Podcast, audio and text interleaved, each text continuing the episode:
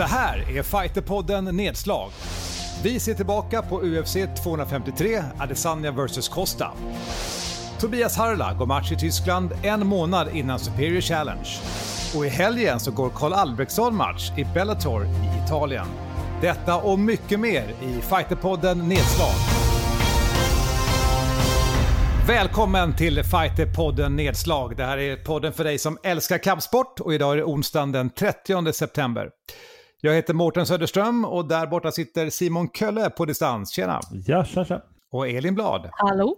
Vi är fortfarande då i den här uh, distansvärlden, men en dag kommer vi att mötas i en studio tillsammans, eller hur? Vet du vad jag saknar absolut mest med att sitta i studion? Nej. Det är när, när vi ska börja spela in och vi, vi kör introt och jag och Simon sitter liksom och sittdansar och mimar introt. Det, Ja. jag, jag saknar det väldigt, väldigt mycket. Det är toppen bara för att så här, dra upp energin när vi ska sätta igång. För dig som är ny lyssnare, Fighterpodden Nedslag är liksom en kortversion av egentligen Fighterpodden. Här tar vi det senaste varje vecka i kampsport. Sen har vi Fighterpodden som just nu, man kan säga, ligger lite på is, för den har normalt gäster, men det har varit svårt då med tanke på att det är de här coronatiderna. Och den podden har ju kanske den bästa vignetten som produceras någon gång i poddvärlden, eller hur? Mm, fantastiskt. Absolut. Ska vi kasta oss in då? Vi försöker hålla den här podden på 20 minuter, är det som händer just nu. Och då tänker jag direkt ser vi tillbaka på UFC 253. Eh, Jag sa ju i förra podden att Paolo Costa skulle ta ner Adesanya i andra ronden och typ liksom brotta ut honom. Jag hade ganska fel. Ganska fel. Du hade ganska fel. Mm. Men, eh, men alltså, hans enorma kraft, hans Hulken-kropp, hans antagligen eh, rojdade kropp, någon, i alla fall någon gång i tiden, eh, var ju många som köpte och man har sett honom gå framåt och framåt och framåt mot alla sådär. Men, men det finns, det, det, det som eh, Israel Adesanya själv säger, det finns olika levels to this game och det var verkligen det vi såg där. Det var en helt annan nivå. Alltså det, det, tek, teknik vinner mot kraft. Alltså jag tycker att det var en, eh, han var, han var grym måste jag säga. Mm. Men alltså om du googlar nu så är debatten till 90% inte Adesanyas eh, fantastiska striking och hur han höll liksom balansen och distansen och tajmingen. Det är ju att han också ska vara rojdad. Ja, de säger ju att det, det är jättemånga som har påpekat att han hade svullen, svullet bröst helt enkelt. Och gyno kallar de det ju på engelska. Och det, jag, jag har också varit inne och kollat så här på Instagram och sett eh, kommentarerna och det är så jäkla mycket sånt nu. Men det, det, det är lite tråkigt att det överskiner. Det, Ja. för, för han gjorde verkligen en fantastisk insats i lördags. Det, jag var ganska nervös för Israels skull, för precis som ni säger, Paolo Costa är ju verkligen superstor, så här, superhulkig och ser ut som att han kommer ge vem som helst ganska mycket stryk och han går alltid framåt. Men Alltså, Izzy gjorde ju en fantastiskt bra match, höll sig precis utanför och bara långsamt bröt ner honom med strikingen för att sen när tillfället öppnade sig avsluta honom. Jag var blown away av, av den matchen faktiskt. Jag tror många var det faktiskt och jag tänker att eh, eh, apropå det här med att han skulle vara rojdad och så här, de, dels om vi börjar så här, ur den tekniska aspekten så de, den där tekniken får man inte med att, hur mycket du än liksom rojdar. Eh, där, där kan vi liksom börja med. Det, eh, nummer två är att han tio gånger i år har blivit testad. Så att menar, det är så här, ja alltså det, det, då har han hittat någon, någon väldigt mirakulös eh, metod då som inte andra är. Jag menar det är ju, alltså eh, jag tror att det är BS faktiskt. Jag tror inte, han, är inte, han har inte alls den, den typen av eh, eh, liksom kropp eller struktur eller någonting annars som, som, på, som antyder det. Liksom. Nej. Men eh, ja, Men får jag säga en sak om Paolo Costa på kropp? Mm. Han hade typ bantat ner sig 11 kilo på typ, typ 11 dagar. Jag tycker att han verkade, jag tyckte inte han hade gnistan. Nej, men alltså det, det, det där tycker jag är mer intressant egentligen. För att det var någonting som Israel Adesanya också sa. Han har aldrig vägt in på 185 pounds. Han har vägt in på 186. Och det är så här, ja då tänker man, men det är ett pound, hur mycket är det? Ett halvt kilo liksom. Men du vet, han har ju kämpat verkligen med att få komma till 80, 86. Och killen går ju runt på över 200 pounds. Alltså han går ju runt på över 100 kilo liksom, eh, normalt. Och kanske till och med ännu mer. Han är en tungviktare. Han är fel viktklass. Han är fel viktklass. Men, förlåt att jag hoppar in och ställer en random fråga här, men efter att han hade vunnit matchen så Mm. stod ju Izzy och jiddrade med Dana någonting om att 30 procent är inte Mm. tillräckligt. Mm. Handlade det här om att han hade vägt in på övervikt eller vad, vad handlade det där om? Det handlar om att han hade två, eller tre stycken, eh, eller om det var två, nu minns jag inte riktigt. Ett, eh, teammates, alltså klubbkamrater som också gick på galan, varav två stycken eh, inte klarade vikten. Mhm. Den ena är ganska markant mycket. Liksom. Så att, eh, Gick de på underkortet då eller? Eh, nej, Kai Kara-France gick väl på vet du, huvudkortet, men, men, Mm. det var, men sen hade han två på underkortet. Och, det, och, och Shane förlorade väl liksom också hans ena kompis där. Så att, och, och det är ju klart att alltså, det är ett problem.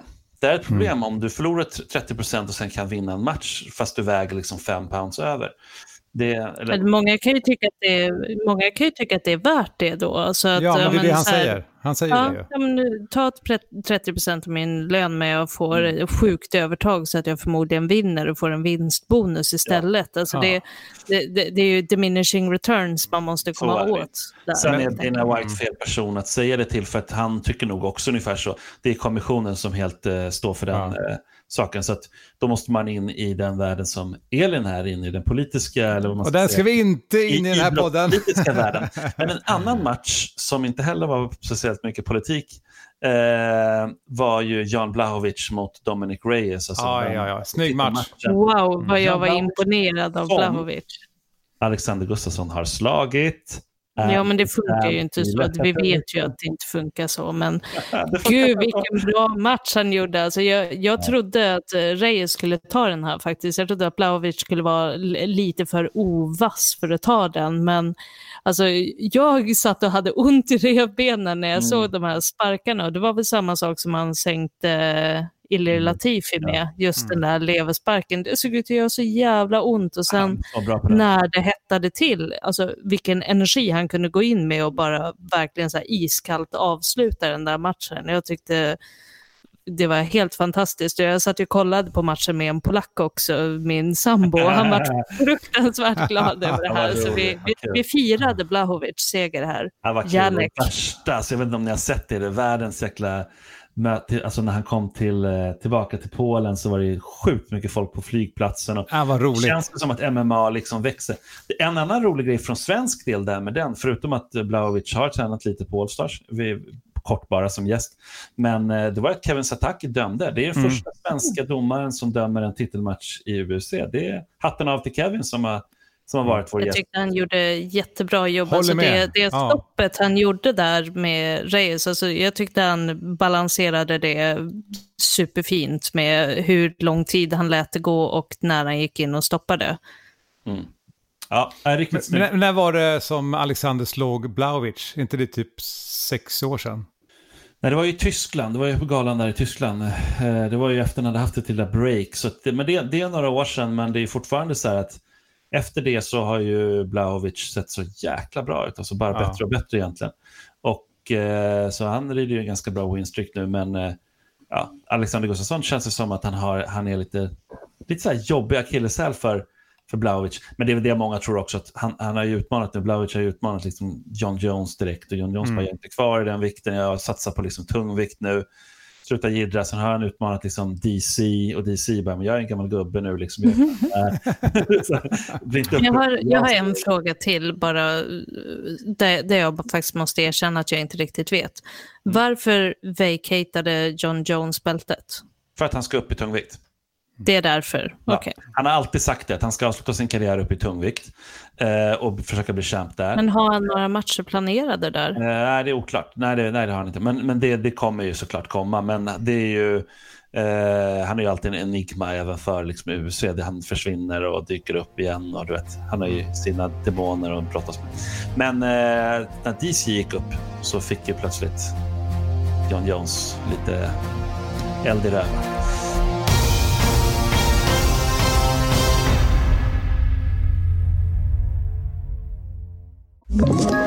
Ett poddtips från Podplay. I fallen jag aldrig glömmer djupdyker Hasse Aro i arbetet bakom några av Sveriges mest uppseendeväckande brottsutredningar. går vi in med hemlig telefonavlyssning och, och då upplever vi att vi får en total förändring av hans beteende. Vad är det som händer nu? Vem är det som läcker? Och så säger han att jag är kriminell, jag har varit kriminell i hela mitt liv men att mörda ett barn, där går min gräns. Nya säsongen av Fallen jag aldrig glömmer på Podplay.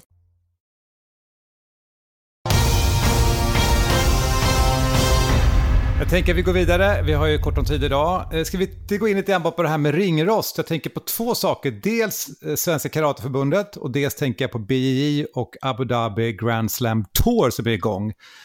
Varför kom jag in på ringrost? Ja, men det, när vi satt och pratade precis innan vi skulle starta den här podden och, och pratade just om att eh, de här lite större BJ-tävlingarna internationellt har börjat komma igång samtidigt som svenska BJ-förbundet säger att de helst inte vill sanktionera några tävlingar och Simon berättade att Svenska Karateförbundet har valt att ställa in alla tävlingar resten av året. Alltså, mm. det, det, så det vi egentligen började prata om var ju det här med när man inte tävlar på så lång tid inom kampsport, vilket har varit fallet för jättemånga idrottare nu. Det, hur mycket påverkar det egentligen? För precis som, som vi påpekade, ordet ringrost kommer ju från boxningen, så någonstans kanske det går att anta att inom kampidrotter där du faktiskt går in och ska liksom utöva med slash mot en annan människa, att det är svårare när du inte har gjort det på väldigt många månader eller till och med något år. Det är ju många faktorer i det som du säger som är viktiga. Så du kan, du kan träna hemma, men att tävla och att träna, det är väl det det handlar om också, att det är två olika saker. Tävlingen har så många olika lager i sig. Och jag tänker om du verkligen är elitsatsande, vi har ju ganska många duktiga BJ-spelare i Sverige. Uh, och så ser du att det är liksom Grand Slam, det är Abu Dhabi som du har varit och man har kört i Miami, i Abu Dhabi, de ska även till Moskva, de ska till Sydamerika, Asien, Europa. Och så får du inte vara med. Det måste ju vara lika jobbigt alltså. alltså dels att du inte så att säga kan tävla, men att du inte får vara där. Och se motståndare då som faktiskt uh, du brukar möta kanske, att de tävlar. Det känns jävligt ologiskt. Det är ju många svenskar som brukar åka framförallt till tävlingarna i USA. Där är det ju väldigt många svenskar som brukar tävla och så, så vet jag vet så får ingen åka till USA nu. Så det, det är ju kört för de utövarna egentligen. Mm. Ja, det är tufft. Det är tufft, men det, det och jag menar, det, nu har vi tagit upp karate, vi har tagit upp lite andra sporter här, men det är ju såklart så att brottningen, samma sak, det är inga tävlingar och det är ju Alltså det är ju världsbreak.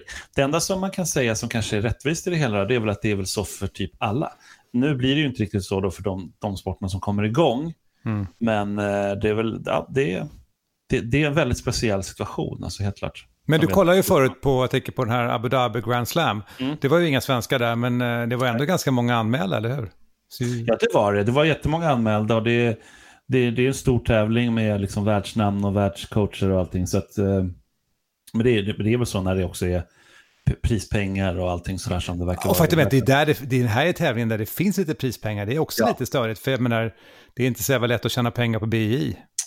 Nej, nej men precis. Så det, det är för oss en jobbig situation, men MMA var väl först ut, UFC var först ut. Mm. Och sen så har ju stående fighting kommit mer och mer. Och, eh, för det, det, det dyker ju upp lite thaiboxningsmatcher och annat sådär. Men eh, ja, mycket av de andra liksom, sporterna ligger ju efter. Det är ju en Swordfish, stora hematävlingen som brukar vara i Göteborg, inställd. Och, jag menar, alla tävlingar i stort sett är ju inställda. Mm. Och det är ju inte bara liksom för utövarna, det är ju för arrangörerna också. Alltså ja. osäkerheten i att lägga ner massa pengar och tid i planering på någonting som kanske måste ställas in. Det, det, är, inte, det är inte många som väljer att ta den risken just nu. Nej. Nej, men så är det ju. Okej, men det finns några som ska gå match. Jag tänker vi ska prata om uh, Tobias Harla. Han går ju match i Tyskland. Och det här är lite speciellt för det är en månad innan han ska gå på Superior Challenge. Vad tänker du där Simon? jag tänker att, nu har jag inte faktiskt pratat med Babak eh, Ashti på Superior Challenge, men jag kan tänka mig, så det här är bara en spekulation, eh, att det inte är superglada miner från Superior Challenge sida som hypar den här matchen med Adam Westlund. Och sen så dyker då Tobias Arela upp och bara, äh, ska gå match i, i Düsseldorf, ska han gå mm. på Elite MMA Championship 6, som är en gala då 31 oktober. Eh, och det grejen är det att det är inte så att han möter någon avdankad gammal fighter, utan han, han möter liksom en vass obesegrad fighter dessutom.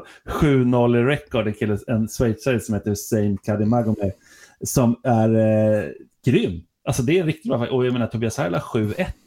Så att det här är ju, ja du vet, det är... Det är ju Det är jätte, risk. jätterisky. Han, han kan Ja. ju vara absolut inte i stånd att gå matchen på Superior. Inte det Absolut. huvudmatchen också. Jag vet inte om den kommer vara huvudmatchen eller David Bjelkheden mot Håkan Foss. Jag vet inte, men, men de, de, de hypar den i alla fall typ som att det, Ja. det, är, ju- det är säkert co-main event eller huvudmatch. Brukar inte det vara en del i kontraktet, liksom, att, du, att du inte får, jag vet inte, alltså, att man skriver in en klausul att du får inte hålla på och göra skit som kanske gör att du inte kan gå den här viktiga matchen hos oss, men samtidigt, hur, hur, hur lång karantän ska man sätta då? Hur lång karantän ska man sätta? Och dessutom så är det väl det att desto mer pengar inblandat, desto större en gala är, desto mer sådana typer av krav kan man göra. Superior Challenge brukar inte binda fighters på det sättet att de bara måste fightas med Superior Challenge. Eh, för att de helt enkelt är schyssta och vet att de har en gala om året. Alltså de kan inte binda då någon att Nej, bara... men det här är ju för nära inpå. Alltså en Ja. månad inpå är för Ja, tajt. det är risky. Det är väldigt risky. Och han själv har sagt då när han har fått frågan om det att nej, men det är pengar det här handlar om. Jag får pengar där och jag får bra pengar. Så att Ja. det, det, det är klart jag tar chansen. Liksom. Så att, ja, mm. Mm, men vi har fler svenskar som går fight. I helgen så går ju Ja. vår favorit, hörni, Karl Albrektsson. Han ska köra Absolut. Bellator. Vi kan inte säga, det var fel av mig, vi kan inte säga favorit, för det innebär ju att vi skulle favorisera honom. Men vi har ju många favoriter som kommer till podden, eller hur? absolut. Det har vi. Han är en skön person verkligen och en verkligt bra fighter. 9-3 har han nu i record. Eh, Karl Albrektsson eh, möter David Tralero som är, har 9-5 i record. Och eh, har fyra matcher dock i rad som han har vunnit här nu. Så att det, vilket gör såklart matchen väldigt intressant. Eh, ja, det, det är tufft och jag menar det... Karl Albrektsson är ju en jäkla bra fighter. Alltså, han har ju uppenbarligen vissa hål i sitt game. Jag menar mot Phil Davis, men när, när Alexander Gustafsson mötte Phil Davis första gången så förlorade han, eller första gången, de var mötts en gång, så förlorade även han där. Så att det, det är ju liksom, Phil Davis är en världsfighter verkligen. Anledningen till att de möttes var ju att Karl Albrektsson har slagit killen som vann över Phil Davis på split decision. Men som Elin brukar säga, sån där matematik funkar ju inte liksom på det sättet. Nej. Men jag tycker det är lite synd, alltså, det är det här med storleken på UFC kontra Bellator. Jag tänker på till exempel när Hamzat körde sin förra match. Då skulle jag kolla galan på morgonen, men så satte TV4 Sport, eller TV4s morgonprogram på på morgonen hemma. Tjejen Ja. sätter på den. Och då kommer ju sportnyheterna, då hinner jag bara se bild. Ah, shit. Bara nej, Mm. du vet så här, spoiler alert. 17 Eh, sekunder. Ja, det vet. Men jag hann inte höra det, så jag, jag såg galan för jag tänkte så här, du vet att de lika gärna skulle kunna berätta att han förlorade. Fast min logik sa, nej, de skulle aldrig ha en nyhet med honom att han förlorade, för det var ingen titelmatch. Det är ett Så riktigt var- lyxproblem vi har, att Ja, mainstream-medier har börjat, eh, har börjat Nej, men det- uppdatera om det är- sporten vi älskar. För jag, jag har varit med om exakt samma Fast sak är bara för det, några år Elin, sedan. det är bara på UFC-matcher. Det är ju ingen som kommer tala om att, det- jag är helt säker på att TV4 kommer inte berätta att Karl Albrektsson gick sin match och vann i Bellator. Jag tror inte det. Alltså om man tar bältet typ, då, då kanske, Ja. då kommer det nog vara, för det, så var det till exempel när Sebastian Kardestam tog bältet i One, då var ju det faktiskt i, i mainstream media och allt möjligt. Men på den galan, jag måste bara stanna lite på den galan, för att där är alla, alla som gillar stående fighting eh, känner ju till, och det är även många andra känner till Robin von Rosmalen, som eh, är ju en person som för, svensk, för svenskar som inte kanske följer sporten jättemycket, kanske man minns ändå 2012, då han mötte Sunny Dahlbäck. Eh, det var ju Sunnys absolut största match. Alltså, Robin von Rosmalen är ju en, är ju en eh, eller von, ska jag inte säga fan, han är holländare, är ju en, en världs... Alltså, nu pratar vi den absoluta, absoluta världsklass. Klass, liksom. Eh, det är Petrosian, det är han, det är några få till. Liksom. Han har gått över till MMA. Han har gått två matcher tidigare i MMA. Nu så eh, är han eh, redo att liksom gå in i Bellator. Han går sin tredje match. Och då ska han få möta en eh, jäkligt tuff annan världsmästare i thaiboxning och eh, kickboxning. Eh, en kille från Spanien där i den matchen som går sin första dock MMA-match. Eh, jag menar, det, vad tycker vi om det här med när folk går över, lämnar en sport till en annan och sådär? Det brukar ofta vara att MMA kommer sist. Det är det jag brukar prata om med Hams, om Hamzat, ju, att han är i sin prime. Han skulle lika gärna kunna varit liksom världsmästare i brottning just nu, men han väljer MMA någonstans. Vad, vad säger vi? Nej, men jag tycker att jag tycker det är bra. Det är lite såklart vilken idrott det är måste jag säga. Men om vi håller oss kring kampsport så finns det ju vissa övergångar som är mer spännande än andra.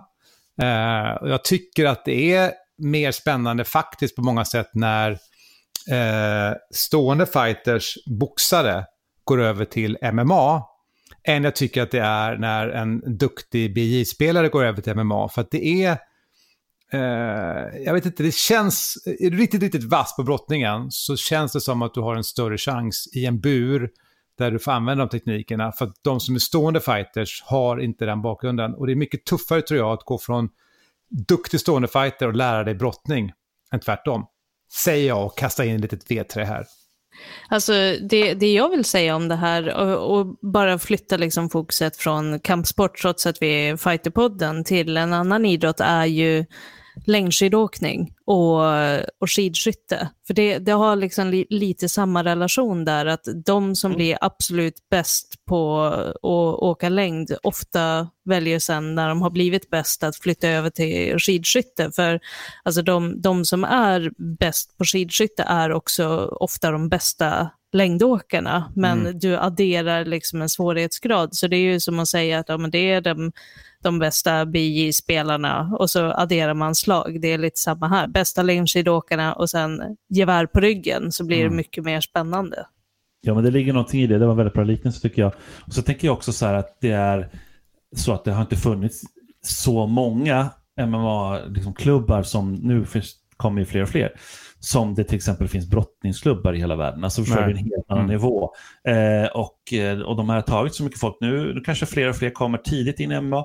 Sen är det här också att inom MMA så finns det inte jättemycket barnutövande.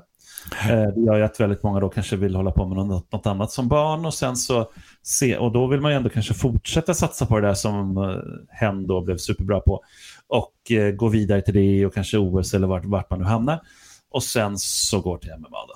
Mm. Men jag... Vi har ju Fredrik Widgren som exempel ja. som är liksom världsmästare i sportjutsu och har gått sin första MMA-match. Så... Mm. Spännande faktiskt, sånt där tycker mm. jag. Men, men, det, det, men det ligger nog någonting ändå i det där, eh, min tes där tror jag, att, att med Hamsat där, att han är just som sagt i sin pride. Pride, höll på att säga, Prime. Det är roligare, jag menar, tänk om vi hade sett som sagt Jimmy Lidberg eller någonting, 26 år gammal eller 25 år, ja. liksom, till MMA. Den, den hade varit ganska galen faktiskt. Den, eller hur? Den, Tiden springer iväg, jag tänkte bara ta upp ja. en grej till, bara kort. Har du någon koll på det här? McGregor ska boxas nu igen, vad är det som händer Simon? Ska och ska, vi får se. eh, han, har också, han har ju en bokad, sägs det då, match i december med eh, Pacquiao. Men han har också en bokad match nu, det, det skedde via Twitter, eh, med Dustin Poirier som han redan har slagit. Mm -hmm. Och då ska han ju då, i, eh, också i december, gå en match mot honom i helt eh, så här för charity, alltså välgörenhet. Och, i, eh, och stödja bland annat då Dustin Poiriers, eh, liksom, han har ju en, en välgörenhetsorganisation eh, The Good Life eller vad det nu heter. Men, och den, och, och då gör det helt gratis i, eh, på Irland. Liksom. Den blir nog lite svår tror jag. Mm. Även om det är liksom, eh, McGregor så, så kommer ju UFC sätta liksom allt sitt krut på att den såklart inte kommer bli av. För det är ju så ren konkurrens med UFC. Såklart. Ja. Så, så, den blir lite knepig. Han tänker väl Men, McGregor att han står över det här, att det, det är ändå McGregor så han går förbi allt det där. Men han har väl gnällt jättemycket för att han inte har fått några matcher. Och... Ja, och han har outat också Dana White och hans egna sms-konversation, lagt ut den på nätet och sådär, där det står. Men det sjuka är att den är så urbota den här diskussionen. För att han säger att han vill ha match och Dana White skriver då tillbaka så att Nej, men, eh, du vill ha match i maj, då är inte vår stora, liksom, alltså, de har ingen stor då är det inte jättemånga som tittar. De har ju koll på det, de har ju statistik på alla mm. månader. Första galan jag kan ge dig det är liksom eh, International Fight Week i juli och sådär.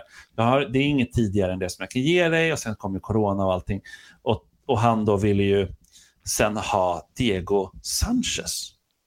Alltså en 40-årig kille som har förlorat massa matcher i rad. Eh, Conor McGregor mötte honom. Men va, varför? Hur, hur, kan han bara få han välja? Liksom, han, han är gammal... bra, liksom, det är en legend och han är bra. Och så här, det är, han var ju nära på att vinna. Han vann ju den där matchen. Så han, alltså matchen innan den här som var nu i helgen. Mm. Eh, men det var ju, vet, han blev ju helt manglad i den matchen. Och det var ju på grund av en illegal teknik som han, han till slut vann på diskning. Just det. Just det. det är helt sjukt att...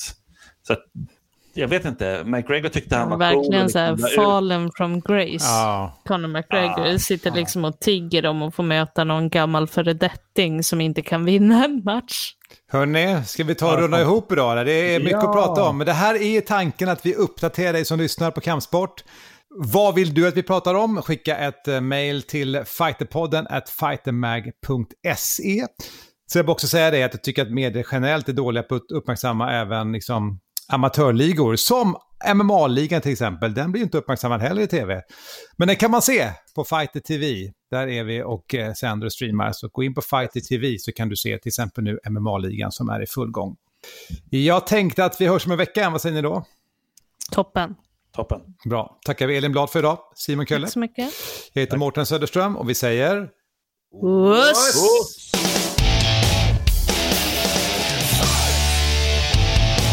Fighterpodden produceras av Suba Media för Radio Play.